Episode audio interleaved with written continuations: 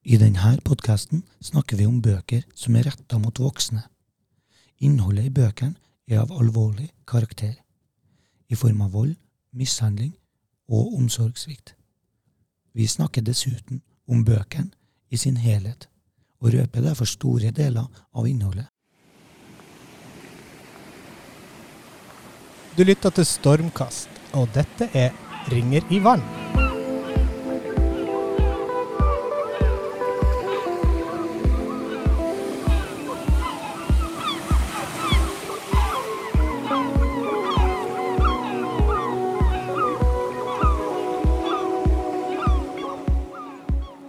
Ja, det er det. Og i dag skal vi snakke om to bøker. Begge er det Maria Kjos Fond som har skrevet. Jeg heter Solgunn og jobber som bibliotekar her på Stormen. Jeg heter Runar, jeg jobber som, som bibliotekar her på Stormen. Hei, Solgunn. Hei, hei. Altså, jeg må bare si, før vi går i gang med bøkene, så har vi med oss en gjest her i dag. Wow! Ja! Vi er så glad for det. Det er Line. Ja, Hei, Line. hei. Hyggelig at jeg får være her. Ja, og vi er utrolig glad for at du er med på det. For at de her bøkene som vi har trukket ut i dag, eller jeg som, som jeg har trukket ut i dag, da, det er bøker som er som jeg syns er ufattelig gode. Og jeg vet ikke om dere to er like enige med meg, men det får vi snakke om senere. Men i hvert fall så syns jeg at eh, når vi diskuterer bøker, så syns jeg at du, Line, ofte har helt sånne du, er, du har veldig gode og kloke tanker om de bøkene som gjør at jeg begynner å tenke på det på en annen måte. Så det gleder jeg meg til. Det er jo kjempefint at du ikke legger noe press på meg i det hele tatt. Eh, nei. No pressure. nei, men jeg bruker jo ikke det. Herregud, altså. eh, men når jeg ser på overskrifta til Maria Kjos Fond sin bok, eller jeg ser på forsida, så står det her en bok alle bør lese. Og nå snakker vi altså om boka Eh, Kinderhore. Ja, Yes. det er det vi gjør. For det er den som hun først skrev, det er hennes første roman, som kom i 2017 2018. Noe rundt der. Ja. ja. Men eh, når jeg leste den, så skrev jeg på min anmeldelse Kan noen sørge for at denne boka blir pensum for alle lærerstudentene, alle sosionom- og barnevernsstudentene, alle sykepleie- og vernepleierstudentene, ja, alle som på en eller annen måte skal jobbe med mennesker. Og grunnen til at jeg syns at denne boka er så viktig, er at Kjos Fond klarer på en helt fantastisk måte å beskrive et lite menneskebarn som vokser opp under grusomme forhold, der alle sammen svikter. Hun klarer seg likevel på slutten. Vi kan kanskje bare få si noe om det, da. Men det er en helt jæklig bok. Grusom på mange måter. Men her kunne veldig mange andre ha steppa inn fra et lite barn og hjulpet henne. Det hadde selvfølgelig ikke blitt en like god bok. Ok, Den boka handler om Charlotte. som vi møter hun er syv år. Og så følger vi henne gjennom tenåringene og til hun er ung voksen. Charlotte er et forsømt barn.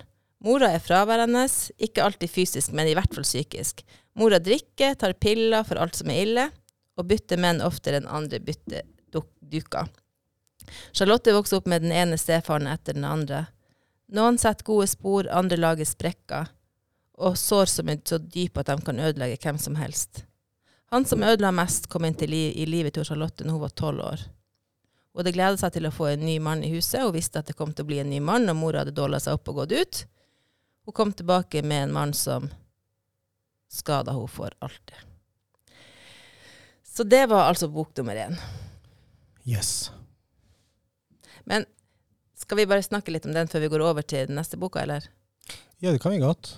Vi kan jo ha i bakhodet, eller vi kan jo eh, informere våre kjære lyttere om at vi også har med heroin chic i dag. Som, eh, som, eh, så begge ligger jo på en måte i, eh, i samtalen. Men vi kan gjerne snakke litt om Kinderhår først. Veldig gjerne. Ja Ja, vi kan det. For at, jeg vet ikke Jeg syns at denne boka var utrolig uh, sterk. Uh, men er du enig, Line? Ja, altså det er jo, det er jo veldig vondt og veldig vanskelig. Eh, og, men så som du sier, så er det det der med hvordan hun klarer å gjøre det fra perspektivet til hun jenta. Mm. Hvordan hun har det. Og det er jo Jeg lurer jo innimellom på hvorfor jeg leser mye av de her fæle bøkene som jeg holder på med, og har tenkt litt på det. Og jeg tror det har noe med at det er interessant å lese om noe som man ikke har noe forhold til i det hele tatt. Man må Og så skriver Maria Kjosvold veldig bra, som gjør at det blir ikke platt, det blir ikke klisjeer. Hun klarer liksom å balansere det, selv om det fort kan bli bare, bare fælt. Og det er ganske fælt. Og det er selvutslettende og forferdelig. Ja, det er ganske fælt. Det er ganske fælt. Også det er jo ingenting humor her. Det er ikke noe humor. Det er ikke noe humor i det hele tatt. Ja, utover den tørre, den tørre sarkasmen som mor har i utgangspunktet, og som Charlotte for så vidt også eh, arva. Men den er jo ikke, det er jo ikke mye morsomt i forhold til hva konteksten de står i. Så Nei, men det, også, og det verste er at det kan hende at det er noen som leser denne boka og syns at den har noe humor i seg. Ja, da, er- det er mørkt. Ja, det er mørkt, men, men uh, hun har jo en episode der hun f.eks. legge en brukt tampong i en eh, skrivebok til en jente.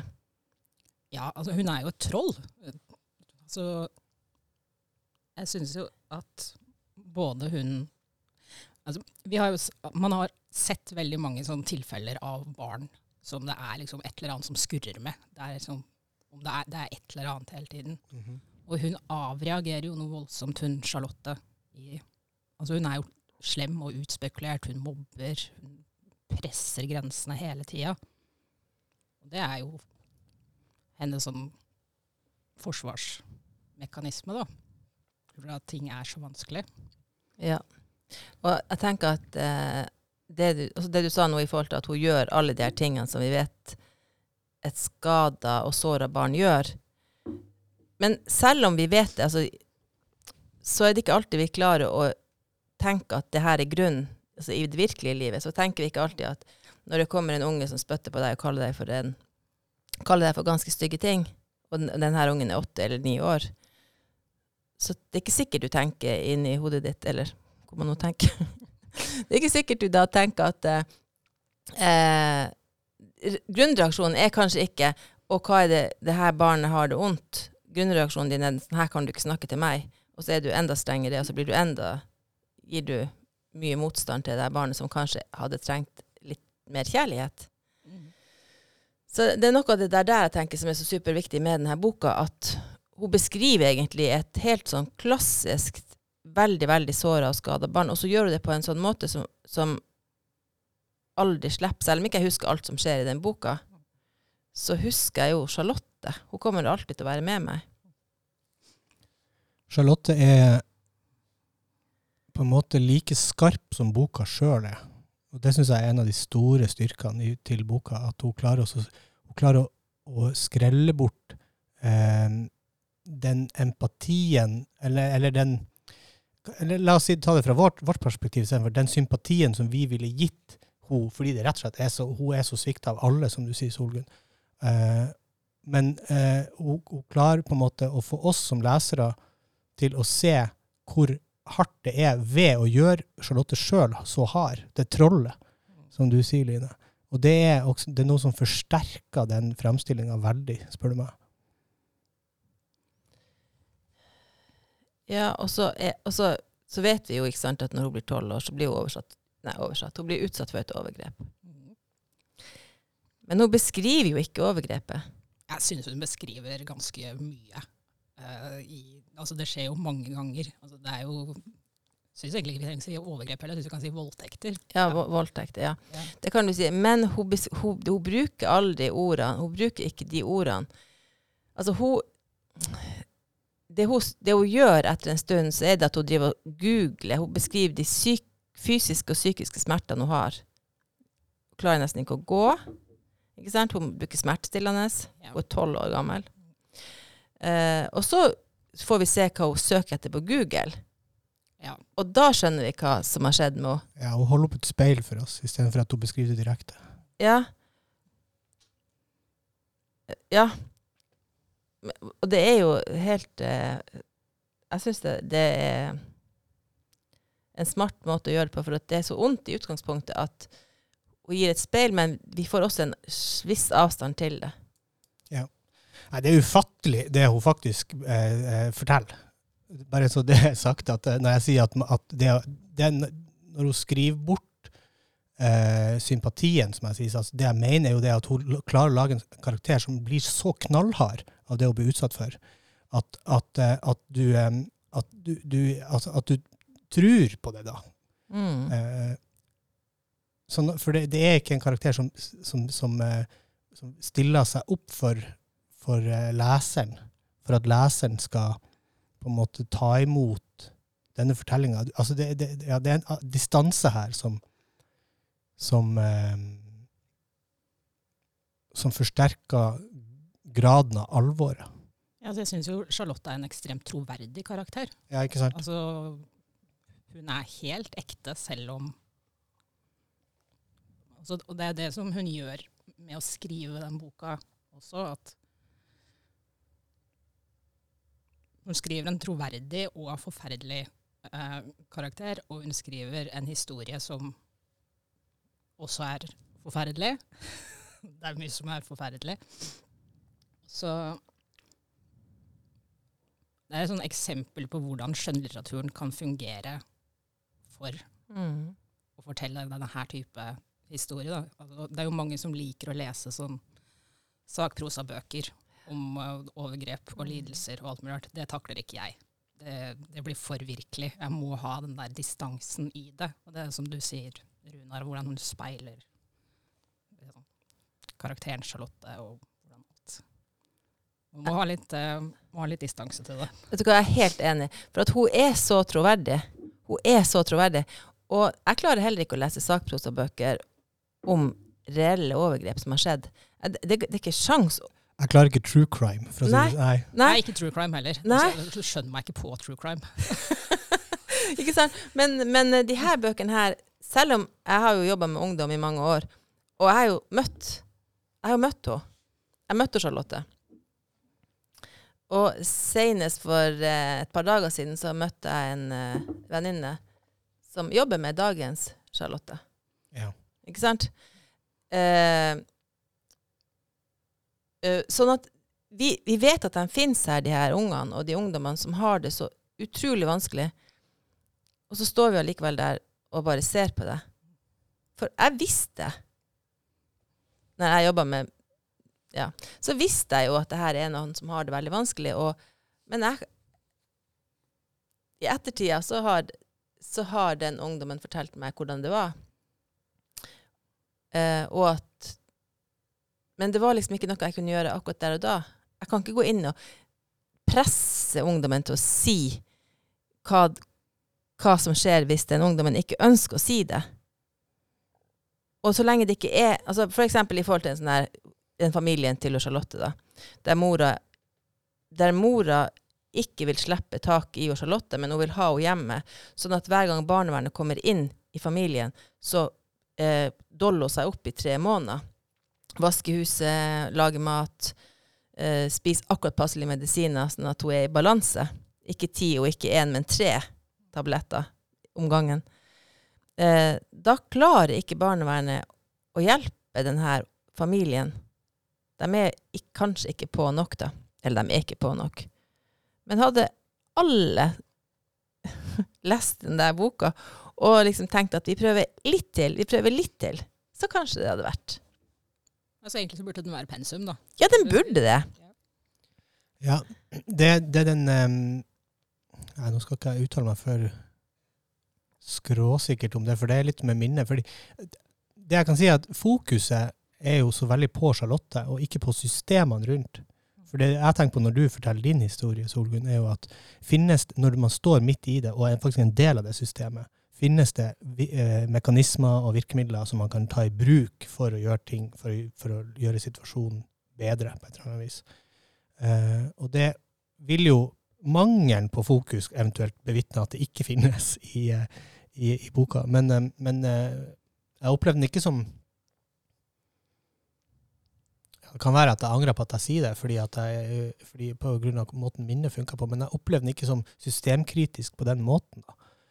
Eh, men med, f- fordi at den har nok med seg sjøl, eller Charlotte har nok med seg sjøl, og fortelleren som skal eh, være der for Charlotte, har nok med Charlotte. Ja, altså, det som jeg tenker altså Det er jo ikke systemkritikk, eller noe sånt, men altså hun viser jo at det er noen systemer som er foregår rundt der. Sånn som hun kommer jo til den eh, Etter den innleggelsen så havner hun jo på den gården i en sånn type fosterfamilie.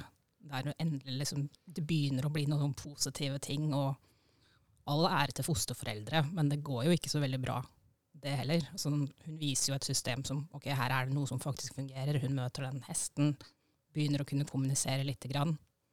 Men så selvfølgelig så rakner jo det her utover. Så hun, liksom, hun viser systemene, og så alt det som er rundt. Men det er jo Charlotte som er en hoved. Ja, men jeg, jeg tenker at det er ikke, det er ikke altså Jeg tror ikke at Eller jeg vet jo ikke hva Maria Kjos Fonn har tenkt når hun har skrevet den, men, men, men jeg tenkte hele tida mens jeg leste For jeg jobba jo med ungdom akkurat mens jeg leste denne boka. Og jeg tenkte hele tida at Men det her er de ungdommene vi møter, og som vi kommer til å møte. Og skolen ser at det her er en jente som sliter. Og barnevernet ser at det er en jente som sliter. Politiet møter henne jo veldig tidlig. Altså, det er veldig mange som møter henne tidlig, men som ikke får gjort noe. Og sånn er det jo. Vi har jo altså, det er jo masse forskning som viser at man kan se allerede fra barnehagen av hvilke barn det er som kommer til å ha det, som kommer til å ramle på yttersida. Sosialt og økonomisk. På grunn av noen mønster som går igjen, da. Og så klarer vi ikke, så klarer vi allikevel som samfunn ikke å gjøre noe med det. Men i forhold til det her med hvordan man kunne stoppe det, så tror jeg det er snakk om relasjon, da.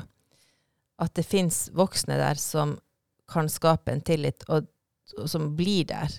Og som ikke Som blir der i måned etter måned etter måned, og som tåler å bli spytta på. Og som tåler å bli kalt det jævla hora. For det blir man jo.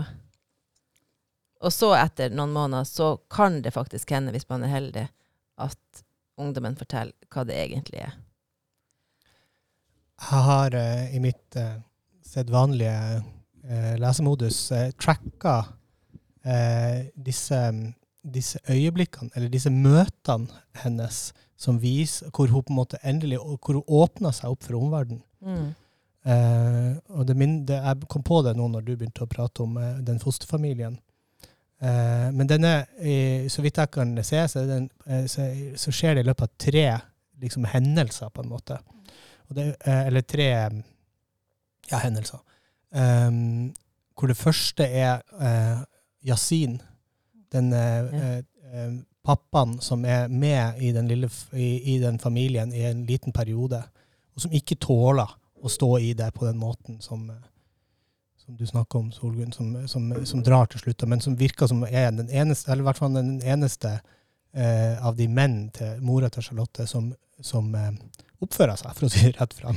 men, jeg, no, jeg, men, jeg, tror faktisk ikke at han ikke tåler det. Jeg tror at hun mora kasta han ut fordi at han brukte oppmerksomheten på Charlotte og ikke på mora. Ja, ikke sant. Ikke sant? Den der ja. TV-episoden når de sitter og spiller spill der. Det kan godt hende absolutt, eh, absolutt masse uh, muligheter der.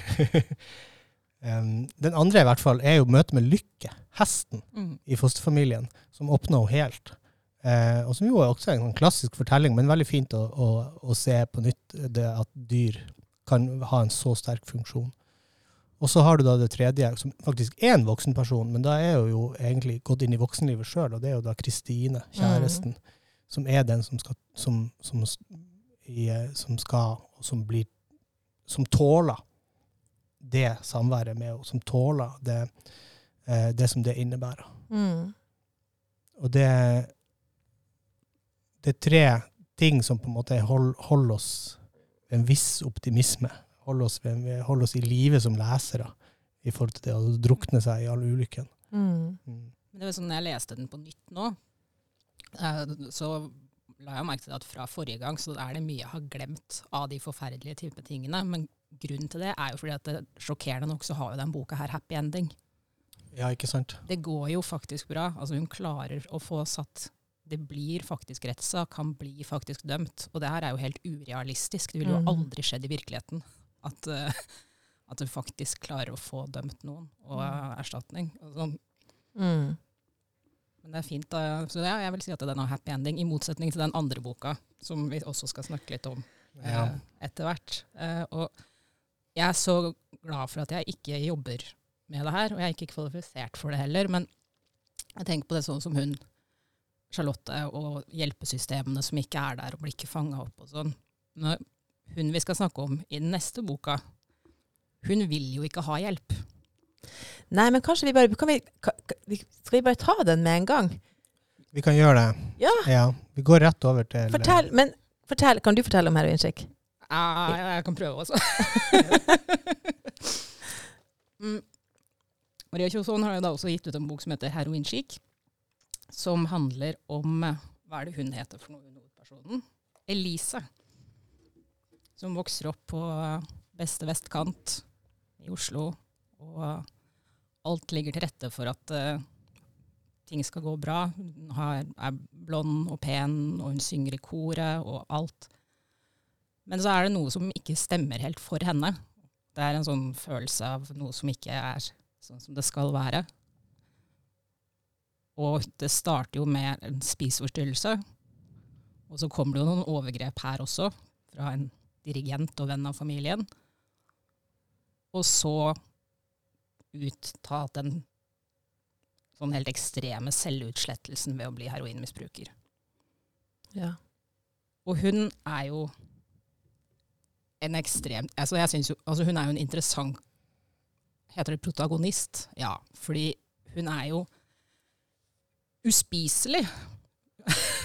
altså, man skal kanskje egentlig ha medlidenhet med henne, eller i hvert fall og, med folk som er i den situasjonen, men det er jo helt forferdelig. Og det går jo ikke an å like henne. Hun er jo så utspekulert og slem. Eh, og her er det jo også det tilfellet at det starter jo ikke med at hun har blitt utsatt for noe ondt. Det starter jo med noe helt annet, som er liksom vanskelig å plassere. Og det, det kan vi også nevnt da, med både Kinderhore og Heroin Chick spiller jo titlene på liksom, populærkulturelle fenomener. Altså Kinderhore er jo klesstilen som eh, ble populært med Courtney Love og sånn på 90-tallet. Og det store forbildet til hun Elise i Heroin Chic er jo, hvis dere husker de der bildene av Kate Moss i svart-hvitt med Calvin Klein-reklamen og tomt blikk og veide 40 kilo. Og det er jo det som er hennes estetiske forbilde. Så hun vil jo bare gå rundt og være kjempe, kjempe, kjempetynn. Og, men eh, det er jo ikke nok, det, da. Så det blir bare verre. ja, det blir bare verre. Det blir bare verre. Det var en Det blir- veldig mye verre. det var, Gud, ja, det var en veldig fin introduksjon. Uh, men jeg syns at altså, heroinskikk den er jo ikke Ja, den er faktisk like god som Kinderordet. Jeg syns Kinderordet er bedre. Ja, du Oi! Der ramla boka ned. Nei og nei. men Tusen takk. Nei, men Nei, jeg, jeg syns den er like god. Jeg blir like sjokkert. Uh, hun er så rå. Altså I denne boka, i uh, Heroin Chic, så er hun like rå et sånt med kinderhore. Syns jeg, men hun er jo eldre når overgrepene begynner. Ja, hun er jo akkurat blitt 16. Ja. Og hun sier jo det et sted i boka. Så nevner hun vel det at hadde det bare liksom vært noen dager før, ja. eller hadde jeg bare klart å si Mm. nei. Mm. Så hun har jo, den, hun har jo et annet forhold til eh, det enn det hun Charlotte har, da. Ja. Men det er også sånn, altså mora er jo en sterk skikkelse her. Eh, bare at mora er en helt annen type mor enn mora i Kinderhore. Ja. For at mora her er jo en som eh, drømmer om at eh, dattera skal være på Barak, Barat Due og synge. Og være så nydelig og ha den englestemmen sin og se ut som et lite, liten engel, så vakker og fin, ikke sant? Og så og eh, prøve å gjøre alt hun kan for å eh, liksom, surfe den der ungen. Og hun gjør jo det. Til siste slutt, kan vi kanskje si. Helt klart eh, til siste slutt. Men altså, hun moren er jo Hun behandler jo henne når hun er liten liksom, som en dokke, og Ja. hun skal jo være perfekt, og alt men hun ender jo til slutt opp med en sånn halvdød dokke som ligger i senga si. da. Som hun sjøl må sette en sprøyte eh, heroin i. Ja, Ja, kanskje vi også har for mye.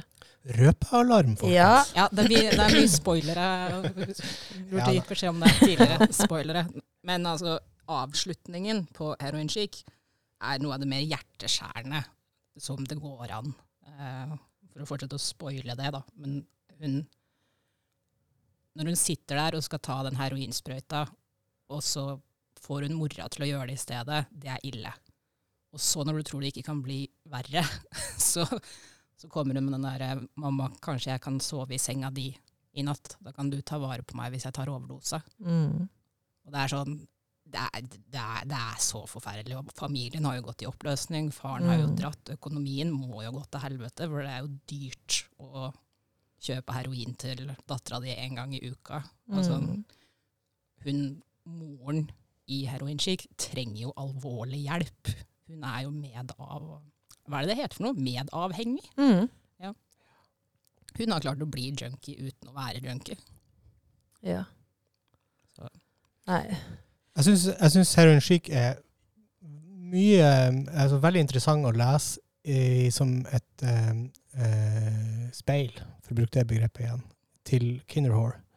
Eh, fordi den forteller litt den samme historien om den samme jenta, men med helt, en helt sånn, en, en parallell virkelighet som er, som er noe helt annet.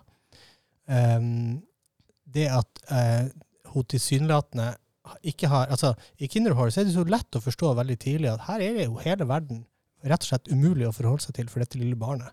Og, og eh, alt er, eh, alle odds er mot. Um, mens i, i, eh, i Heroin Chic så, så skjer det samme, men bare mye mer subtilt. Også, og, og igjen, og da blir også resultat, resultatene blir også mye, mye verre. Det er som eh, hun Charlotte i Kinderhore er jo selvdestruktiv fordi at hun bruker det som en mekanisme for å håndtere virkeligheten. Ja. Og hun, eh, Elise i Heroinchick, er jo selvdestruktiv også fordi at det er den måten hun håndterer virkeligheten på, men allikevel så er jo utgangspunktet helt Det er jo helt forskjellig. Og hun Elise er jo vanskeligere å forholde seg til av at det er så selvpåført. Så kunne hun ikke bare liksom tatt og roa det ned lite grann? Sånn, hun trenger ikke å sette en sprøyte med heroin på kjæresten sin som har blitt nykter. Det, altså det, hun er jo helt umulig å like. Vi kan jo dra en sånn freudiansk lesning av dette og se hvordan dette handler om forholdet til mor i begge, i begge casene. Mm. Sett, og det handler om det å, å, å respondere på altså, å, å, å både herme mor, men også å, opp, opp, å gå i opposisjon til mor. Um, og denne pushen for eksempel mot han Joakim som har blitt nykter, Ja. ligner jo veldig på måten mora eh, forholder seg til eh, dattera tidlig i, i livet, i forhold til dette med å, å, å hele tida skulle, skulle bli mer, og, eh, og yte mer, og klare mer, og være mer av det man faktisk er. Jeg har ikke forberedt en sånn lesning, men det er, det er jo litt sånn Det ligger litt i kortene, det gjør vel det. Ja. Jeg har sagt at eh, Eller jeg har sagt Altså, jeg tenker at det er først når hun møter han Joakim, eh, han som er så vakker og tynn og nydelig og vakker, vakker, vakker, og han introduserer henne for heroin og seksuelle gleder. For det, hun tar, tar jo for seg, vi kan jo si det. Eh, og da får hun en slags ro i kroppen sin. Og den roen varer i et par uker. Og så får hun hele tida suge etter mer. Og hun vil ha heftigere opplevelser både når det gjelder seksualitet, og når det gjelder eh, heroin. Og Elise vil spise opp Joakim hele tida. Det er det hun vil. Hun vil ha han hele tida, så mye og så ofte. Og han er det deiligste vesenet hun vet om. Det er ganske mye beskrivelse av sex her i denne boka. Eller? Det er det. Og så faktisk så er det jo ting i Det kan hende det her sier mer om meg enn noen andre, da, men her i den boka her så er det jo ting som jeg syns er morsomt. Har du noen eksempler? For eksempel han Joakim som hun møter, som er av den oppfatningen at hvis han bare tar forskjellig dop hver dag, så blir han ikke avhengig. Ja. Det er Mm. morsomt. Mm. Men han er jo veldig tydelig på det at han skal ikke ta noen sprøyte med heroin. Det er, liksom, det er den ene tingen som han har. At det skal han ikke gjøre. Mm. Og så er det hun som da gjør det på han Ja. mens han sover. Mm. Det er, ikke lett å sympatisere med en sånn eh, person. Nei. Og jeg ropte høyt nei så mange ganger Ja. mens jeg leste. Uh, og jeg var helt, uh, jeg var helt forskrekka. Altså, jeg husker at jeg var sånn, jeg ropte nei! Og jeg sitter jo og leser jo overalt, da. Så da, folk ser jo på meg når jeg sitter på en buss eller fly, og jeg klarer ikke å la være. Jeg roper. Og så roper jeg, og jeg har faktisk eh, eh, Jeg ser her at jeg har skrevet høyt, eller at jeg har eh, pekt på øretelefonene mine, og så har jeg sagt det her er jo så jævlig! Jeg vil ikke at hun skal gjøre det.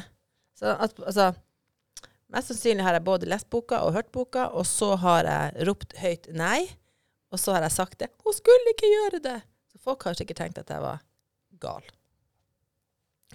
De overskridelsene, seksuelle og eh, rusmessige, altså den heftigheten, det, no, det henger jo også sammen med at hun kommer fra, en, en, eh, fra ressurser. Og, og, og det henger også sammen med måten han her Philip, han overgriperen, som er dirigenten til familien, holdt jeg på å si, er på. Eh, og, og hva som forventes av henne fra eh, sikkert livet generelt. Men da, det vi får beskrevet, er jo dette med sangopplæringa og korsynginga og det der. At, eh, det, det er, altså alt ligger til rette for at man skal kunne utnytte verden for det den, for det den er. Eh, så når hun da havner i den type verden, så, finnes, så, så er det jo klart at det er sånn hun skal gjøre det. For det er den typen push som ligger i alt som hun har vokst opp med. Hun er grenseløs. Ja, men det kan man også si om Charlotte, tenker jeg. Eh, men hun også, men hun beskriver jo også f.eks. at hun, at hun eh, at deler av hennes seksualitet skriver hun ut i sånne maskin og sånne, sånne bifigurer, eh, nærmest. Altså, hva vi skal kalle det for. Em, at hun på en måte later som hun er noen andre.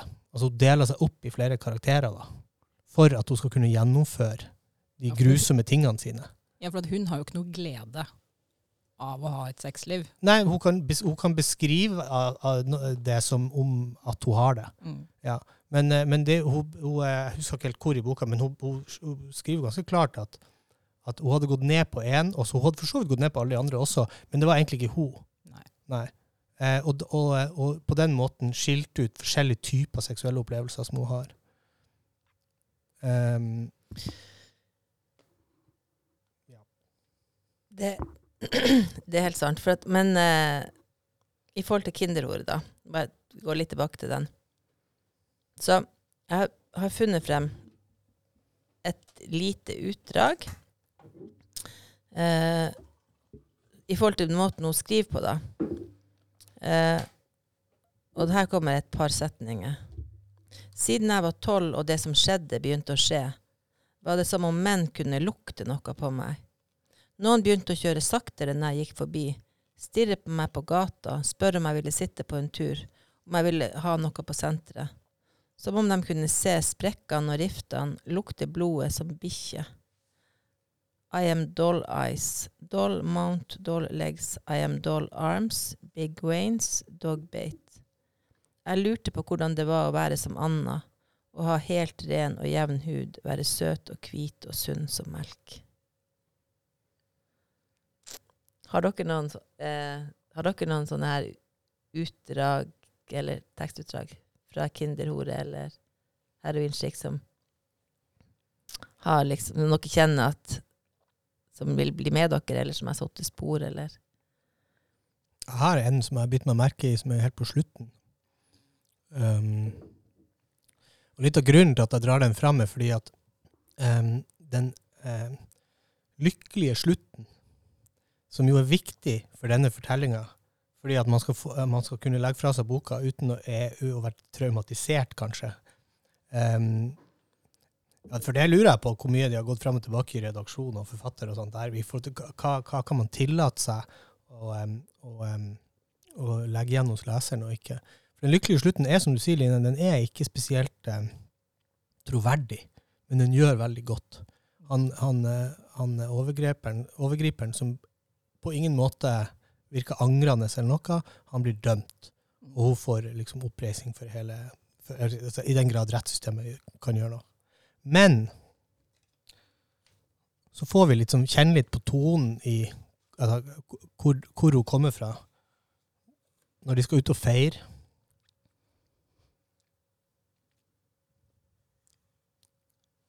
Kristine møtte meg utafor. Hun kysset meg. Vi gikk på Tullins. Servitøren kom bort til oss, og Kristine ba om to glass cava. Vi feirer, sa jeg. Jeg vant nettopp en rettssak. Mot overgriperen min. Han fikk seks år. Oi, sa dama. Da skal dere få en flaske på huset. Cavaen kom på bordet.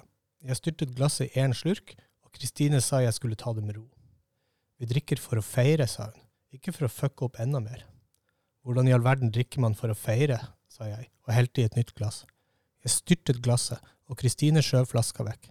Det er nok nå, Charlotte.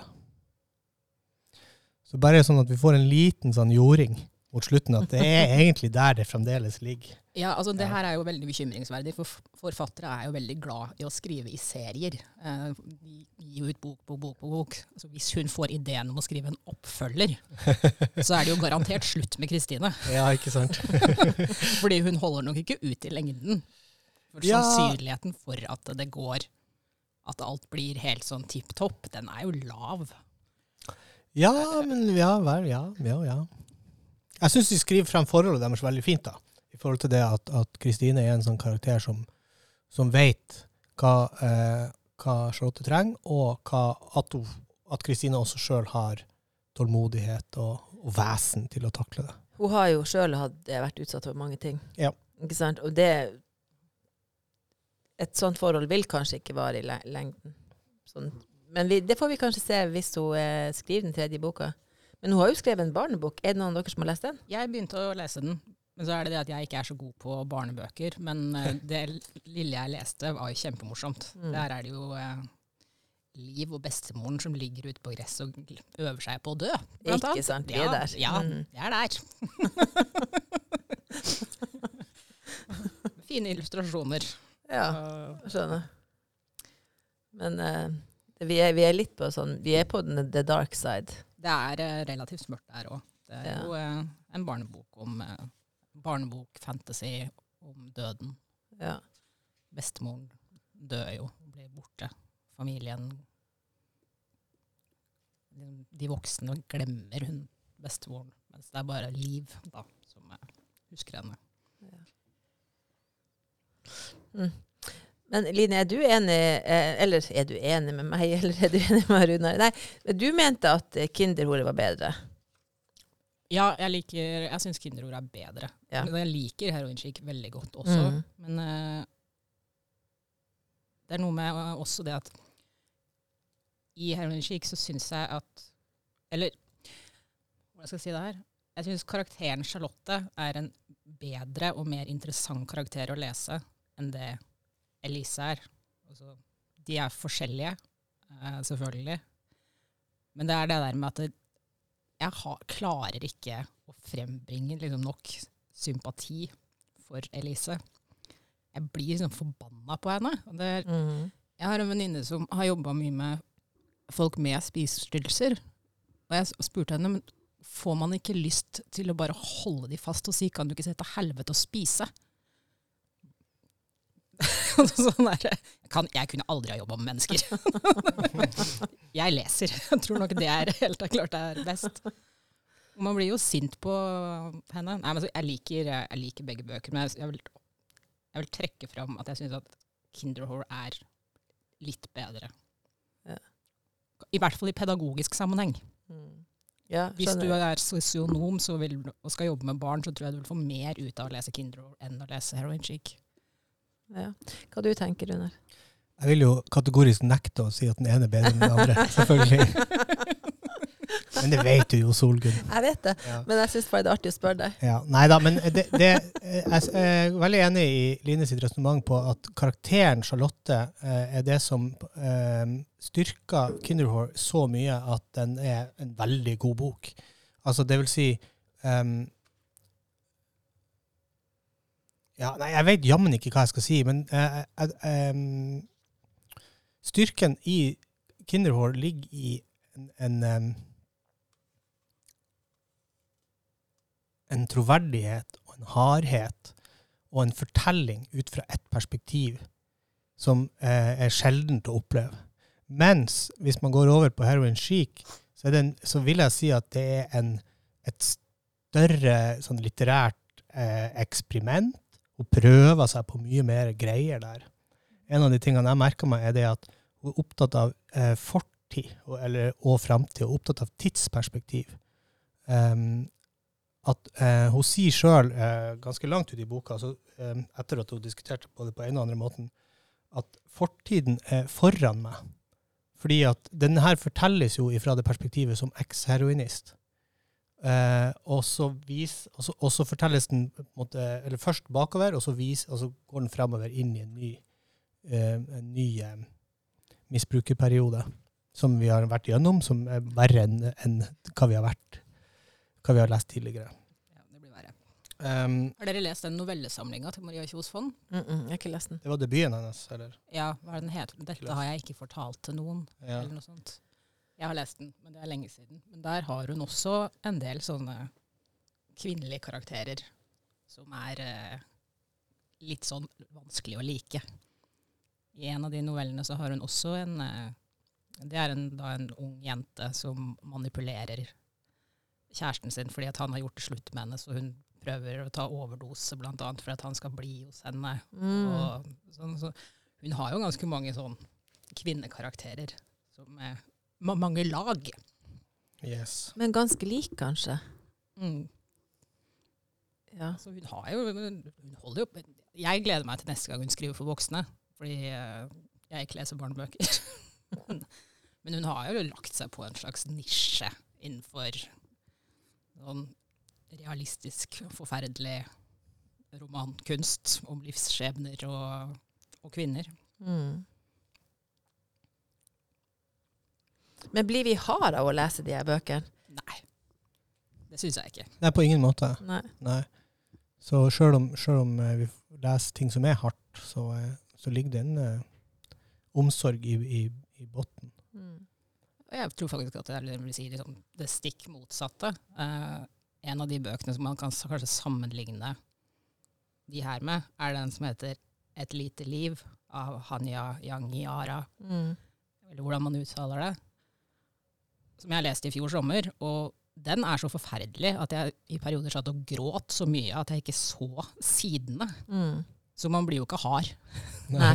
Nei. Det, men når du sier det, da, da kan ikke jeg lese den boka. Nei, men altså, ingen skal lese den boka.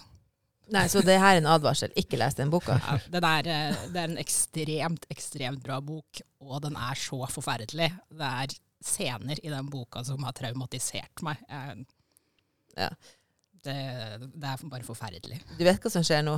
At vi kommer til å få venteliste på den boka. Det er venteliste på den boka hele tiden, for det er av en eller annen merkverdig grunn en BookTok-bok.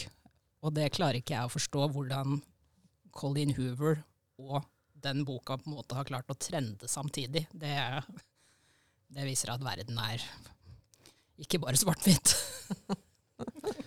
Eventuelt bare svart og hvitt. Ja. Yes. Ja, men jeg, altså, jeg- jeg spurte om man kan bli hard av det For jeg satt sitt nå og leste eh, 'Hvis det kommer et menneske' Nei, kom, den her Korsgård-boka, som er fra han, han danske Korsgård Hvis det Nei, glem det. Kommer det et menneske forbi, eller noe sånt. Den har fått seksere nå overalt. Og den handler om en gutt i, som er vokst opp i, et, i Danmark. Og jeg tenkte det her var en bok som vi kanskje kunne tatt med her i denne våres lille Ringer i vann-prosjektet. Men jeg, jeg var jo sånn her Det her er jo ingenting. Herregud, det han opplever. Han har jo foreldre som bryr seg. Iallfall litt. Oi, oi, oi. Nei da, de, det er jo litt omsorg i slagene deres. Altså, fordi at mange av de bøkene vi har lest, er så fundamentalt. Altså, de, de har det så fælt, de ungene. Og de voksne er så utrolig borte. De er ikke med. Sånn at Blir du litt blasert? Nei, jeg vet ikke. Det var det jeg tenkte. Jeg, altså, det var ikke hardt nok, det der med han her. Hvis det skulle komme et menneske. Plutselig var det liksom sånn der øh, Nei.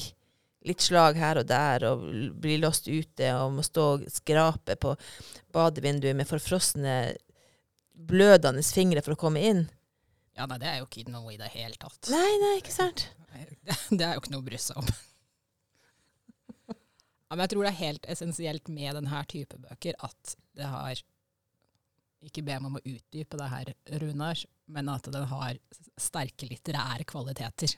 Mm. For ellers så vil det bli veldig platt, og så blir det en sånn type voldspornografi.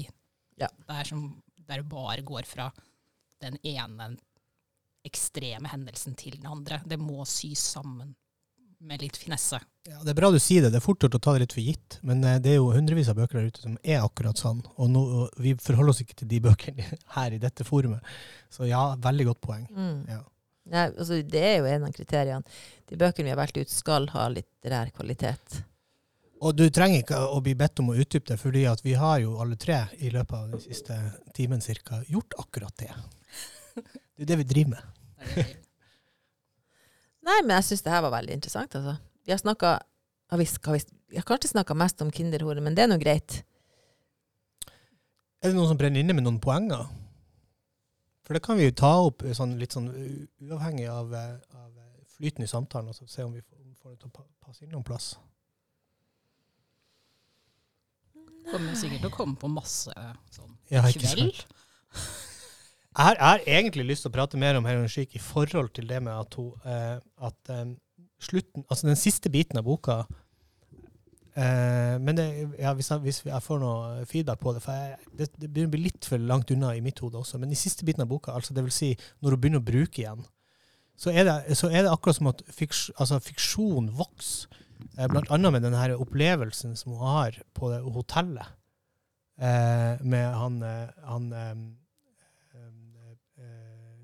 Når hun prostituerer seg. Ja, den er Ja. øh, Men, men, men hun, hun begynner å skrive eh, Hun skriver det ut i et type språk som gjør at du på et eller annet vis eh, forsvinner litt i en sånn haze sammen med henne. I rusen, eller i litteraturen, eller i Så um, Um, Og jeg lurer på, hvis vi hadde gått enda litt nærmere i sømmene på den boka, at, du, at vi ville opplevd det liksom som noe ekspansivt i løpet av boka. At, at em, og det vil, den kontrasten er sikkert enda større igjen eh, når man har Kinderhår eh, rett før. For jeg har jo lest disse to i, i rekkefølge, sånn chop-chop. Mm. Så det er, som, det er som å lese en vifte som bare sakte, men sikkert bretter seg ut i forhold til hva, hvilke virkemidler hun bruker språklig og, og, og, og eh, fortellermessig, da. For jeg tror, på, på en måte så tror jeg at så, så, frem, så, så går hun bort ifra en form for realisme, i, i, ikke i innholdet på det som skjer på det hotellrommet, men i, men i måten det fremstilles på. Og det, og det er en måte for oss igjen, kanskje, kanskje det er en måte for oss å få avstand til fortellinga, på samme måte som den happy endingen er en måte for oss å, å liksom senke skuldrene på slutten av Kinderhår. Det her var i hvert fall tanker jeg gjorde meg da, da jeg Mm. leste den, og som, og som jeg grubla på om det, om, om det var noe å hente fra. Ja, nei, for det flyter jo eh, Jeg tror du har helt rett i det her. Altså sånn, etter hvert som at hun blir forsvinner liksom lenger og lenger ut, så speiles det utover i teksten også. Hun er jo nærmest på um, Inn i lyrikken mot slutten, når hun, skri, når hun skriver med linjeskift etter noen få ord, veldig korte, ufullstendige setninger i nest siste kapittel, eller hva det er for noe her også. Jeg mister alt, jeg kommer til å dø av dette, det blir så deilig, jeg vil ofre alt, absolutt alt, utseende, stemmen, vennene, familien, Sigurd, ja, Sigurd. Jeg trenger noe som betyr noe for meg, en ambisjon, et mål. Vær så snill, la meg slippe. Jeg vil hjem, jeg vil være den lille jenta igjen. La meg starte på nytt. Jeg fryser, jeg skjelver, kommer ikke til å treffe, å herregud, der. Hun helt Hun Hun plukka det bare opp her uten å se på konteksten. Men det skjer noe i hvert fall der. Når hun er på vei tilbake til mors skjød. Ah. Men ikke sant, hun, det går ut altså det, hun, er så, hun er så langt nede. Altså, hun Nei, det er helt forferdelig. Men, Så heroinskikk er jo Den har jo ikke så veldig mye håp, nei. siden vi allerede har spoila boka, så har jeg Mm. egentlig litt lyst til å lese det siste avsnittet. Ja, gjør det. Fordi eh, for å, altså Stemninga som er- man sitter igjen med når man har lest den boka her, det er jo ikke mye glede. så for at alle andre også skal få glede av den følelsen, så tar jeg siste, siste siden. Nå har jeg gjort i stand, kanskje du kan sette den. At jeg setter sprøyten. Ja, sier jeg og legger armen på bordet, peker på punktet på åren. Herregud, sier mamma. Bare hvis du vil, sier jeg. Jeg er så skjelven. Ja ja, sier hun, for all del. Hun reiser seg, skjelver like mye som meg, sikter på punktet med nåla, trykker ned sprøytepumpa. Det smeller, rusher som en berg-og-dal-bane gjennom årene. Jeg lener meg tilbake, som å synke ned i lunkent vann. Jeg har aldri vært så glad i henne. Det må ha vært som spedbarn da hun ammet meg, ga meg melken, varmen, nærheten inni kroppen, injeksjonen som kalles kjærlighet. Jeg er oppe på rommet til mamma da jeg ser et lite hode i senga, porselensdukken Anna. Hun har ikke stått på piano i det siste. Du, sier jeg til mamma, vil du at jeg også sover i dobbeltsenga, så kan du passe på hvis jeg tar en overdose eller noe. Hun nikker, og hver kveld mens jeg legger meg, stryker hun meg over håret og lytter til pusten min. Jeg ligger i senga, pakket inn i dop og dyne og armene til mamma, trygg og varm. Mamma, hvisker jeg, alt skal bli bra. Ja, sier hun, jeg kjenner det jeg også, alt skal bli bra. Syns dere det var bra? Det var veldig godt lest, det vil jeg si. Veldig, veldig. Men det er jo Det er Nei, det er så trist. Jeg har en forsvarsmekanisme. Jeg kan dele den med dere hvis dere vil. Ja, takk. Gjerne, takk. Ja, for Det er ikke sikkert dere egentlig vil det, men jeg sier det nå likevel. Jeg tenker på Jan Eggum. Mor, jeg vil tilbake. Og det gjør det hele litt mer sånn Å oh ja, OK, ja. Men, eh, Jeg tror jeg bare tar sjokolade i stedet. ja, OK, det duger også. Nei, det der er, så, det er jo så uh, Uff, nei, det er vanskelig å sette ord på det der. Altså. Ja. Ja, akk. Nei, men det er jo altså, Det var veldig spennende å snakke med dere om de her bøkene som er så gruelig god, gruelig trist, og vi håper jo at eh, dere som lytter på det her, får lyst til å lese de her bøkene. Ja, men sånn som den, den lille jeg leste nå, da, sånn her, ja, det er forferdelig, sånn, men det er jo også veldig, veldig fint. Altså, Mm. det er jo heller sånn poetisk.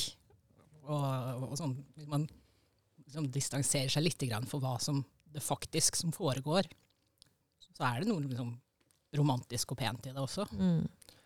Bildene er vakre, språket er, er rent, Mm. pent brukt.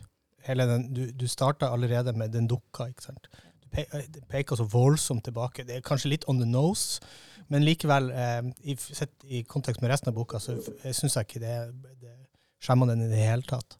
Den, altså dette med amminga og sprøytinga. Og, men eh, nei, det er veldig fint. Ja. Det også er det ganske mye Hvis man er veldig Kan mye om eh, musikk. Tekster og eh, artister og Det er masse referanser i begge bøkene. Ja. Den første er jo masse, masse Courtney Love og diverse andre, eh, både populærmusikalsk, men også eh, Kurt Weilbrecht-ting, hvis ikke jeg husker helt feil. Ja, det er noe sånt også. Men det er jo sånne sterke sånne 90-tallsreferanser, Ja. i hvert fall. mm, en del Bob Dylan. ja, ikke sant?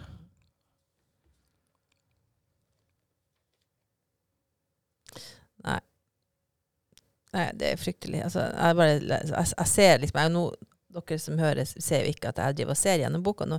Men jeg driver og ser gjennom boka, og jeg bare tenker Altså, jeg rister litt på hodet, for det er så trist og så mørkt. Og så utrolig bra skrevet. Jeg leste en anmeldelse av Ben Kinderor. Uh, en anmelder som jeg var helt fullstendig uenig med. Uh, hun ga vel boka terningkast tre. Nei. Ja. Hvordan går det an? Nei, det kan du si. Men uh, hun var vel inne på det at det, altså Hun likte jo tydeligvis ikke noen ting i det hele tatt, men at den kanskje kunne fungere for jenter som har lignende opplevelser. da. At eh, den kan brukes sånn der terapeutisk på et eller annet vis. Jeg sliter med, med den. Men så likte hun den ikke ellers, da. Nei. Men vi etterlyser jo litt sånn her eh, didaktisk tilnærming til disse bøkene, Solgunn. Vi ønsker jo at det skal være at, at de skal kunne brukes litt sånn Ja, ja, ja. i, i, eh, i, i, i konkret arbeid med, med mennesker. Ja, og jeg tror at mange kan ha nytte av den boka og tenke spesielt altså, Men nå, nå har jo jeg mest tenkt på de voksne som jobber med dem, og som møter de her ungdommene. Men det er klart at det er nyttig å lese bøker som beskriver liv som ligner på sitt eget, for å skjønne at jeg er ikke den eneste. Ja. Tror du ikke det kan også da slå ut en annen vei, da, hvis man har erfaringer i livet som er veldig vonde og vanskelige, og så leser man en bok der det er skrudd til enda Mm. mer, sånn at som er enda verre, som gjør at man da kan bagatellisere de tingene man selv har vært gjennom. Mm. Eller få en oppskrift på hvordan man kan gjøre det enda verre. Yep. Det, det kan man jo også. Det er risikoer med skjønnlitteratur. Er ikke bare Ja. bare å lese bøker. Nei, men jeg, altså, jeg, jeg tror ikke du får noen oppskrifter her. Det gjør man ikke, verken på og hvordan bli sprøytenarkoman eller hvordan bli barneprostituert. Jeg tror vi må legge ansvaret andre plasser. Ja. jeg, jeg, jeg, jeg tror ikke vi skal være redd for det, da. Men eh, det er alltid interessant å se, altså, høre de vurderingene fra folk som er totalt uenige. Altså, et treer på, den, på Kinderhoret, det syns jeg virker helt sånn her Oi, har ikke hun sett det fantastiske språket, de sterke Altså, det er en sterke boka, men hun har sett, sett noe annet, da. Hun har ikke sett noen ting. Ja, det er også en måte å si det på. Det kan hende hun rett og slett ikke har lest hele boka. Siden det her er en bibliotekpodkast, så kan vi jo si at vi har jo eh, mange eksemplarer av Kinderhore. Eventuelt av Heroin Chic. Ja, det var det. Det prøver vi på nytt. Eh, siden det her, her er et eh, bibliotekpodkast, så kan vi jo si at vi har mange eksemplarer av Heroin Chic. Sånn at hvis dere har lyst til å komme og låne, kjære lyttere, så tror jeg vi skal ha noe på hylla.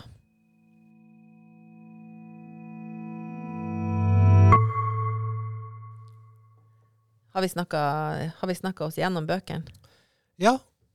Det var, eh, hvis, vi ikke, hvis ikke noen sitter og kjenner på at det er noe som mangler, så, eh, så tror jeg vi kan si det. Jeg tror vi har fått presentert dem sånn at det blir venteliste på bøkene. Og Ja. Tror du folk får lyst til å lese dem nå? Ja, ja. Nå har jo vi sagt alt hva det handler om. Også. Nei, det har vi jo ikke. Vi, det er, altså, vi har sagt to promille. Og disse bøkene er ikke eh, på måte basert på hendelsesforløp på den Det er jo ikke krim. Nei, ikke sant. Plott eh, Greit at utvikling i, av for karakterer og sånt betyr mye, men plott er ikke så all verdens nøye. Så det mm, Nei, ikke, ikke her. Nei, ikke her. Da sier vi takk for i dag, eh, dere. Tusen hjertelig takk for besøk i studio, Line. Det var veldig fint å ha deg med. Takk for at jeg fikk lov å være med. Kanskje jeg får lov å komme igjen. Oh, vi, vi vil ha deg med hver eneste gang. Ja, vi satser på at vi, at vi eh, plutselig har deg tilbake på headsetet. Ja, og så skal vi, vi skal også ha besøk av flere på biblioteket. Det skal vi. Og vi vet ikke helt hvilken bok vi skal snakke om neste gang. Nei, men eh, hvis du har venta litt med å lytte til denne du lytter, sånn at den andre allerede har kommet, så vet du det veldig raskt. For da er det bare å slå av nå, og så sette i gang den neste. Ja, det var kjempelurt. Enten det, eller så må du vente litt, sånn som vi. Takk for oss. Ha det. Ha det.